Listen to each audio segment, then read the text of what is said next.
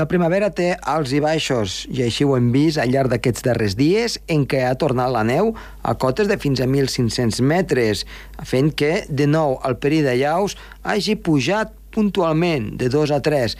Atenció durant aquest cap de setmana perquè torna a haver-hi força neu a les zones més elevades de les muntanyes. Una situació primaveral que, d'altra banda, que també és ben normal en aquesta època de l'any. Comença el torn.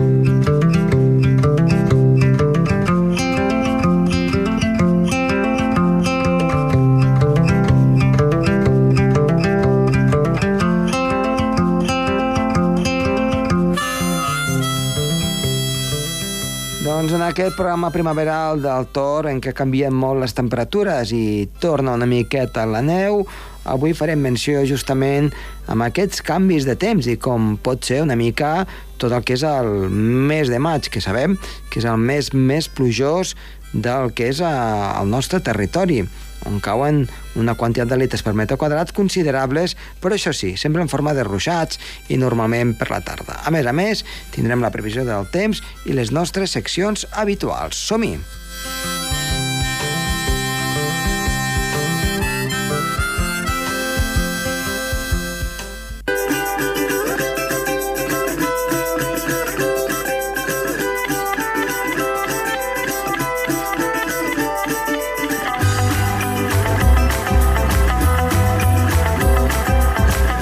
Volem fer una crida des d'aquí perquè si se'n van a l'alta muntanya, mm, evidentment després anirem dient la previsió del temps pel cap de setmana i tots aquests dies, però pensem que hi ha moltíssima neu encara que no s'ha desfet, per tant estem en una situació eh, meteorològica i sobretot eh, nivològica que pot ser força preocupant, especialment en aquesta època de l'any en què ja estem al mes de maig i sembla doncs, que la neu ja no té tanta importància. I per tant, en aquest cas, volem comentar que des de la web de Meteo.ad, la web de meteorologia de govern, s'anuncia per aquests propers dies que el perill, el perill de, de llaus a, a gran part de les muntanyes del país està força elevat. En un moment està per damunt dels... Eh, per sota dels 2.200 metres, en un nivell 2, al centre i al nord del país. En canvi, cap al sud, el nivell és 2, tant a baixa com a alta muntanya, per tant, un perill moderat. Però eh, per damunt del que serien els eh, 2.200 metres, aproximadament al centre i al nord del país, que és on hi ha, en aquest cas, les muntanyes més altes, la situació evoluciona de 2 cap a 3, especialment a partir del migdia, quan pugen una mica més les temperatures, o també aquests dies en què hi ha d'haver ruixats de neu eh, amb aquesta situació de que la neu pot ser una mica més inestable. Per tant, passaria d'un nivell moderat a un nivell marcat. I també volem mencionar una mica els gruixos de neu. A la zona nord, que seria on més neu hi ha, a la cara nord, tenim neu a partir ja dels 1.600-1.700 metres aproximadament, però, per exemple, a 2.000 metres d'alçada trobem ja un metre de neu a la cara nord i a 2.500, 2 metres 30. Per tant, és moltíssima neu per un mes de maig. En canvi, a la cara sud, a partir, la neu es troba a partir ja dels 2.100 metres aproximadament. Per tant, a 2.000 metres eh, no tenim neu, però sí que a 2.500 metres, a la cara sud, tenim un metre 70 de neu acumulada. Ens anem ara cap a la zona centre. El gruix de neu a la cara nord comença cap als 1.900 metres i a 2.000 metres d'alçada ja tenim un metre de neu acumulada. Podem veure un salt una mica gran entre els 1.900 metres, 1.800, que, doncs, que pràcticament no hi ha neu, a 2.000 metres en què la neu s'ha mantingut amb aquest metre de neu acumulada. A 2.500 també hem de parlar de 2 metres 30 de neu acumulada. Cara sud, a la zona centre del país, tenim aproximadament eh, neu a partir dels 2.100 metres i no trobem eh, gruixos de neu abundants fins, als, uh, fins a cotes molt més elevades. Per això sí, a 2.500 metres tenim 1,70 metre. Per tant, sí que a la zona centre, la cara sud, s'ha anat desfent, però encara hi ha moltíssima neu. I a la, el que és a la zona sud del país, a Mantell Nival, doncs comença a la cara nord als 1.900 metres a venir a 2.000 metres 90 centímetres i 2 metres 10 a 2.500 metres. Això seria, per exemple, zones com ara eh, punts eh, més alts de, de l'àrea de Sant Julià, d'Escaldes i també d'Andorra la Vella.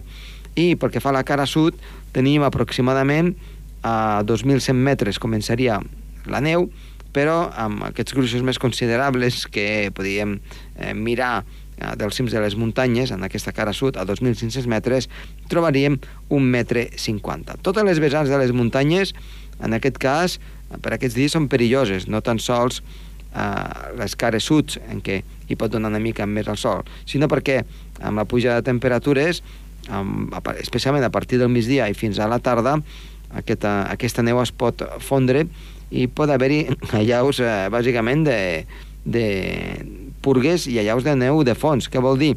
Que la, tot el mantell nival eh, baixa i arrossega fins i tot pedres del terra, no tan sols de les capes més superficials.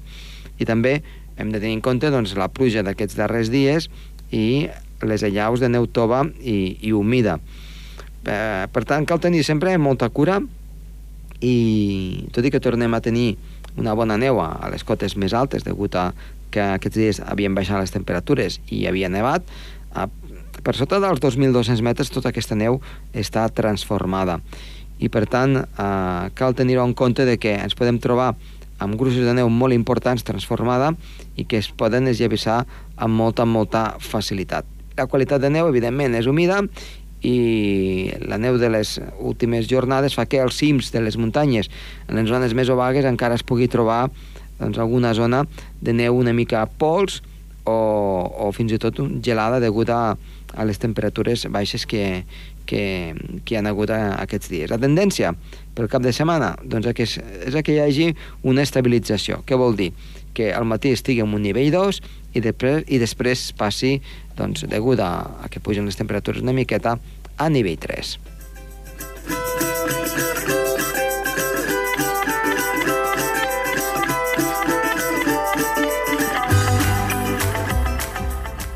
El Torb, amb Josep Tomàs.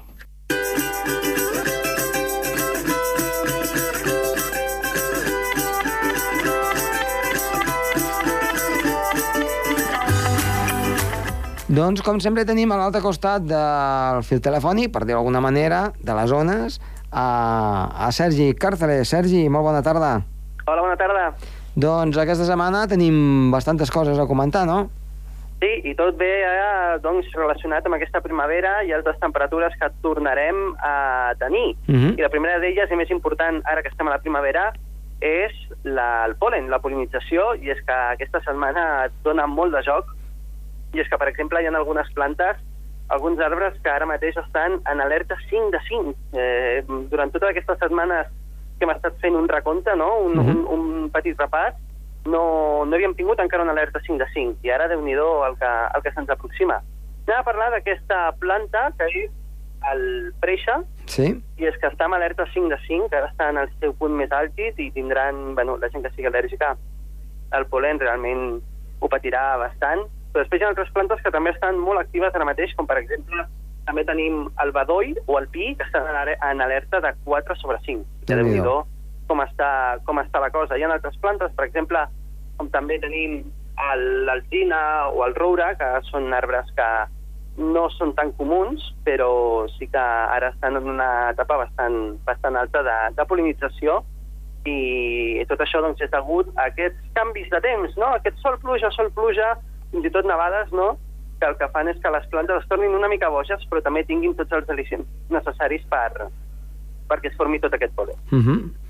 déu nhi per tant, a- alerta amb, amb el tema de les al·lèrgies, eh? Ho anem dient cada setmana perquè totes aquelles persones que ho, que ho pateixin doncs, eh, puguin estar una mica al cas aquí a, al país. I què més? Doncs mira, parlarem de dos cosetes més, i és que a causa d'aquesta calor, eh, bé, eh, tota aquesta neu que ha anat caient nova i tot això, crearà dues coses. Una, que eh, aquesta calor farà que es fongui molt ràpidament tota la neu que encara estan en els, a les parts altes dels Pirineus, i això farà que els cabals dels rius eh, augmentin bastant considerablement, sobretot el Valira Nord i el Valira Est, eh, doncs tindrà a causa doncs, un, un augment del cabal d'aquests rius bastant significatiu, com la setmana anterior, no tan intens, creiem, però sí que aquest augment de temperatures que poden arribar als 20 graus de màxima en alguns punts doncs Mhm. farà que la neu es desglaci molt ràpidament i, i el cavall del riu doncs, augmenti bastant considerablement. Per tant, haurem d'estar alerta de nou, eh? Sí, sí, hem d'estar alerta, hem de vigilar i bé, sobretot doncs, vigilar com evoluciona el riu. I una altra cosa que anàvem a parlar avui Uh -huh. és a causa d'aquesta calor també doncs, les allaus. Ara que ha tornat a nevar, una petita, una fina capa de neu que ha tornat a, a, a, a, a caure. Sí, a dipositar, diguem, no? a- Clar.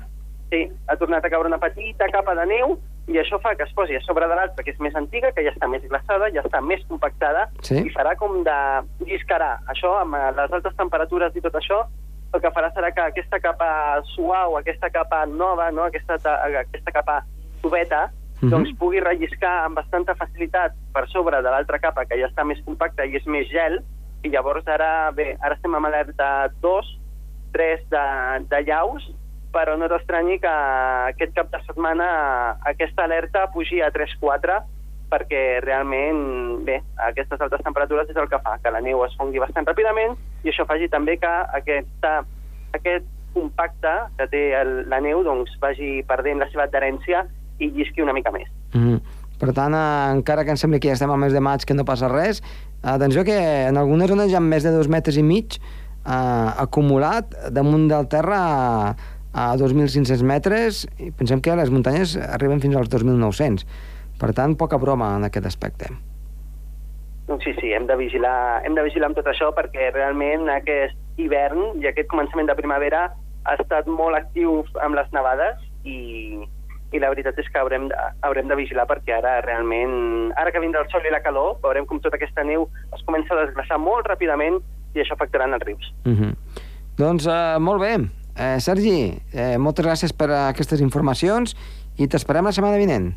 Molt bé, vagi bé. Adéu-siau.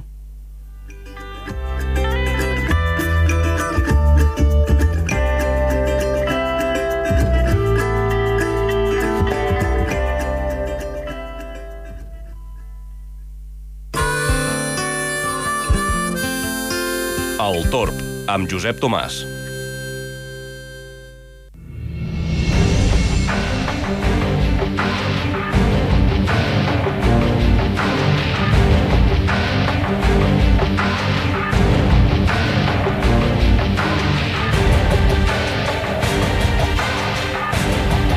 Avui volem parlar d'un tema que està relacionat amb, amb, amb el mar, amb el mar, amb els oceans i, en definitiva, amb tot el que ens envolta en aquest 70% de la Terra, que seria ni més ni menys que els girs oceànics.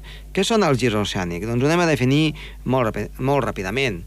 Un gir oceànic o simplement un gir en el que és oceanografia és qualsevol sistema de corrents eh, marítimes rotatives i, per tant, que estan en consonància amb el que és el moviment de rotació terrestre, en especial degut a la força centrífuga d'aquest moviment a la zona equatorial. Aquests girs constitueixen un, una manifestació de l'efecte Coriolis, de la vorticitat planetària i també, eh, en general, d'aquest moviment de força que fa també el vent, juntament amb el que és a, el gir de la Terra. Per tant, podríem dir que eh, hi, ha, hi ha una sèrie de girs de l'aigua oceànica i que, a part de les corrents marines, eh, evidentment, però que estan influenciades per al, per al gir de la Terra, el vent, i també per la seva dinàmica pròpiament dita. Un dels girs, per exemple, seria eh, al Pacífic Nord, un altre estaria situat al Pacífic Sud, un altre el tindríem cap a l'Atlàntic Nord, el següent a l'Atlàntic Sud i finalment un estaria situat cap a l'oceà Índic, en el que seria entre Madagascar, la Índia i Austràlia. Tot això ens, ens porta a, a parlar d'una sèrie de girs, aquests girs doncs, que estan al voltant del, del nostre planeta i que en algunes, en algunes zones, per exemple, degut a, a que aquests darrers anys doncs, s'han doncs, anat acumulant molta porqueria, eh, fins i tot han acumulat brossa.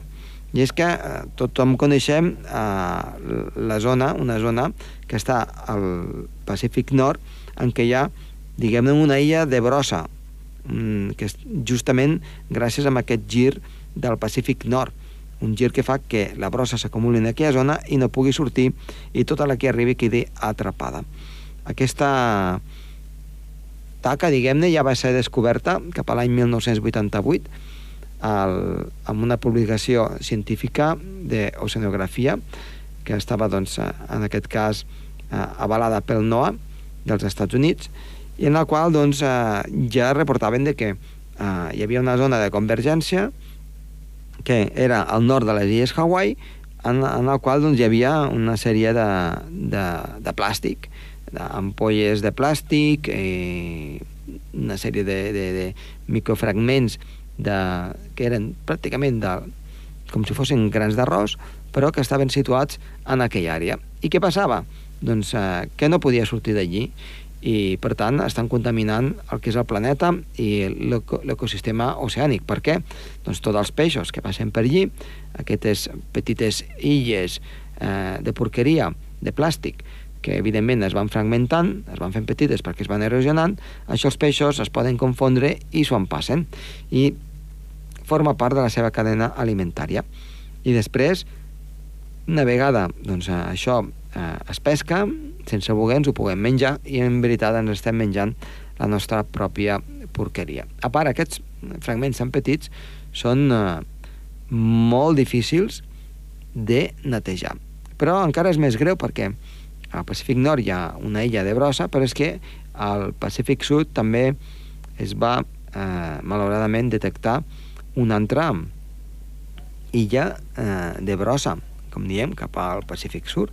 Per tant, eh, aquests plàstics el, el que fan és que, a, a part de que... No sé si han vist vostès mai en alguna petita illa del Pacífic eh, que amb les seves platges està plenes de plàstic i molta gent deu pensar, però si aquí és una zona que és un paradís, que no hi ha eh, contaminació, com és que està tan, tan contaminat? I de fet és que arriba tota la porqueria, en aquest cas, que deixen, que llancen als Estats Units, Canadà, eh, tot el que seria la zona de l'Amèrica Central, també, en aquest cas, el Japó, Rússia i una zona d'Indonèsia. I el Pacífic Sud doncs, estaria marcat per tot el que és l'Amèrica del Sud, Austràlia i Nova Zelanda. Doncs tota aquesta porqueria, encara que ens pensem que quan es llancen les coses a la mar desapareixen, com que floten, no desapareixen, sinó que eh, a poc a poc eh, se'n van cap al centre i formen aquesta, aquesta illa de plàstic.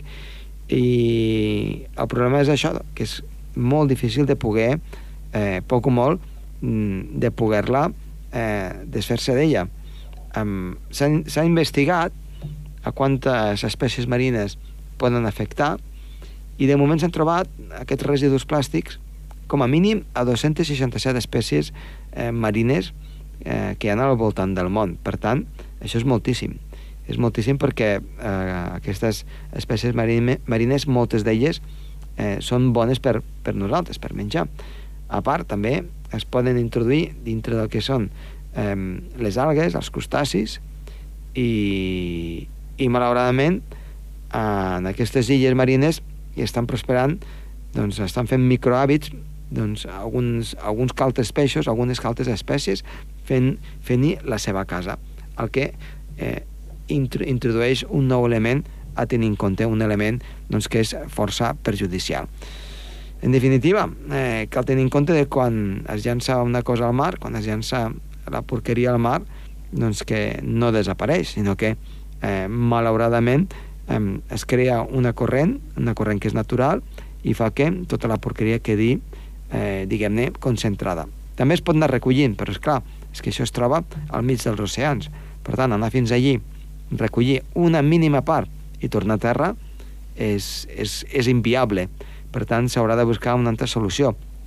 Al Mediterrani també passa? Doncs sí, també passa que passa que no s'ha identificat com a illes, però sí que moltes vegades, si vostès doncs, eh, han pogut volar per damunt del Mediterrani, han vist que hi ha zones on, on hi ha molts desperdicis, on hi ha acumulacions de plàstic, de troncs i de, i de, i de matèria, eh, diguem-ne, que, és, eh, és, que és contaminant i que està en, en el nostre mar. Per tant, el mar, encara que sembli molt gran, hi ha també contaminació Després cal tenir en compte la contaminació que està a les nostres costes, als nostres fons marins.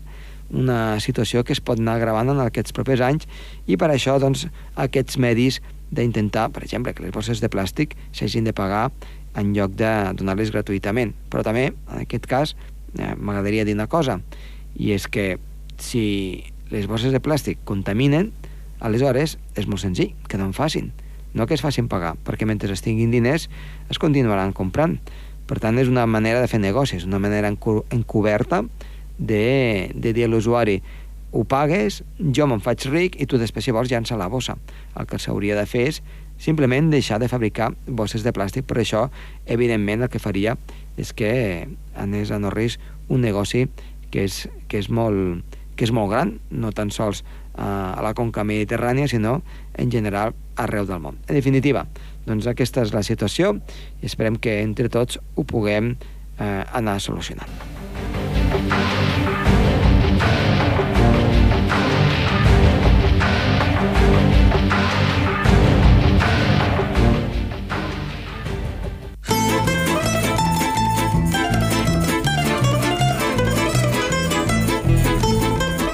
Doncs som amb la previsió meteorològica, una previsió que el que ens indica per aquests propers dies és variabilitat com correspon a un mes de maig, amb força fred encara. Tampoc és que siguin temperatures eh, excessivament altes les que hem tingut eh, fins ara, però sí que eh, poc o molt a l'alta muntanya a continuar endavant i això fa doncs, que aquestes temperatures, algunes d'elles, siguin sota zero durant la matinada. Per tant, ho hem de tenir en compte tant dissabte com diumenge. A l'alta muntanya encara hi pot gelar i també s'espera que al matí de dissabte i de diumenge la nebulositat sigui variable i a estones doncs, més minsa, amb tendència de que, com que encara hi ha aire fred en alçada, creixin nuvolades. Dissabte ne creixerien, amb algun calter ruixat, que es podien estenent la cota de neu 2.300 metres aproximadament.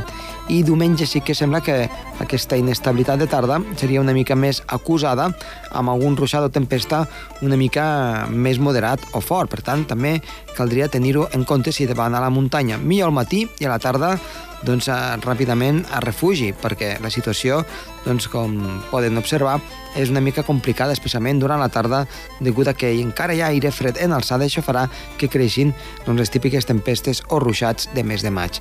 Ja hem parlat una mica del tema de les allaus, han de tenir doncs, també força precaució perquè saben que molts de vostès sortiran a la muntanya amb els esquís, eh, evidentment doncs, a fer random, la neu a partir del migdia s'humiteja molt ràpidament, però eh, molta precaució perquè el perill de llaus, com dèiem, està al nivell 2, podria passar 3 al llarg també d'aquest cap de setmana, hi ha molta neu acumulada als cims de les muntanyes i per tant el que cal és una màxima precaució. Bé,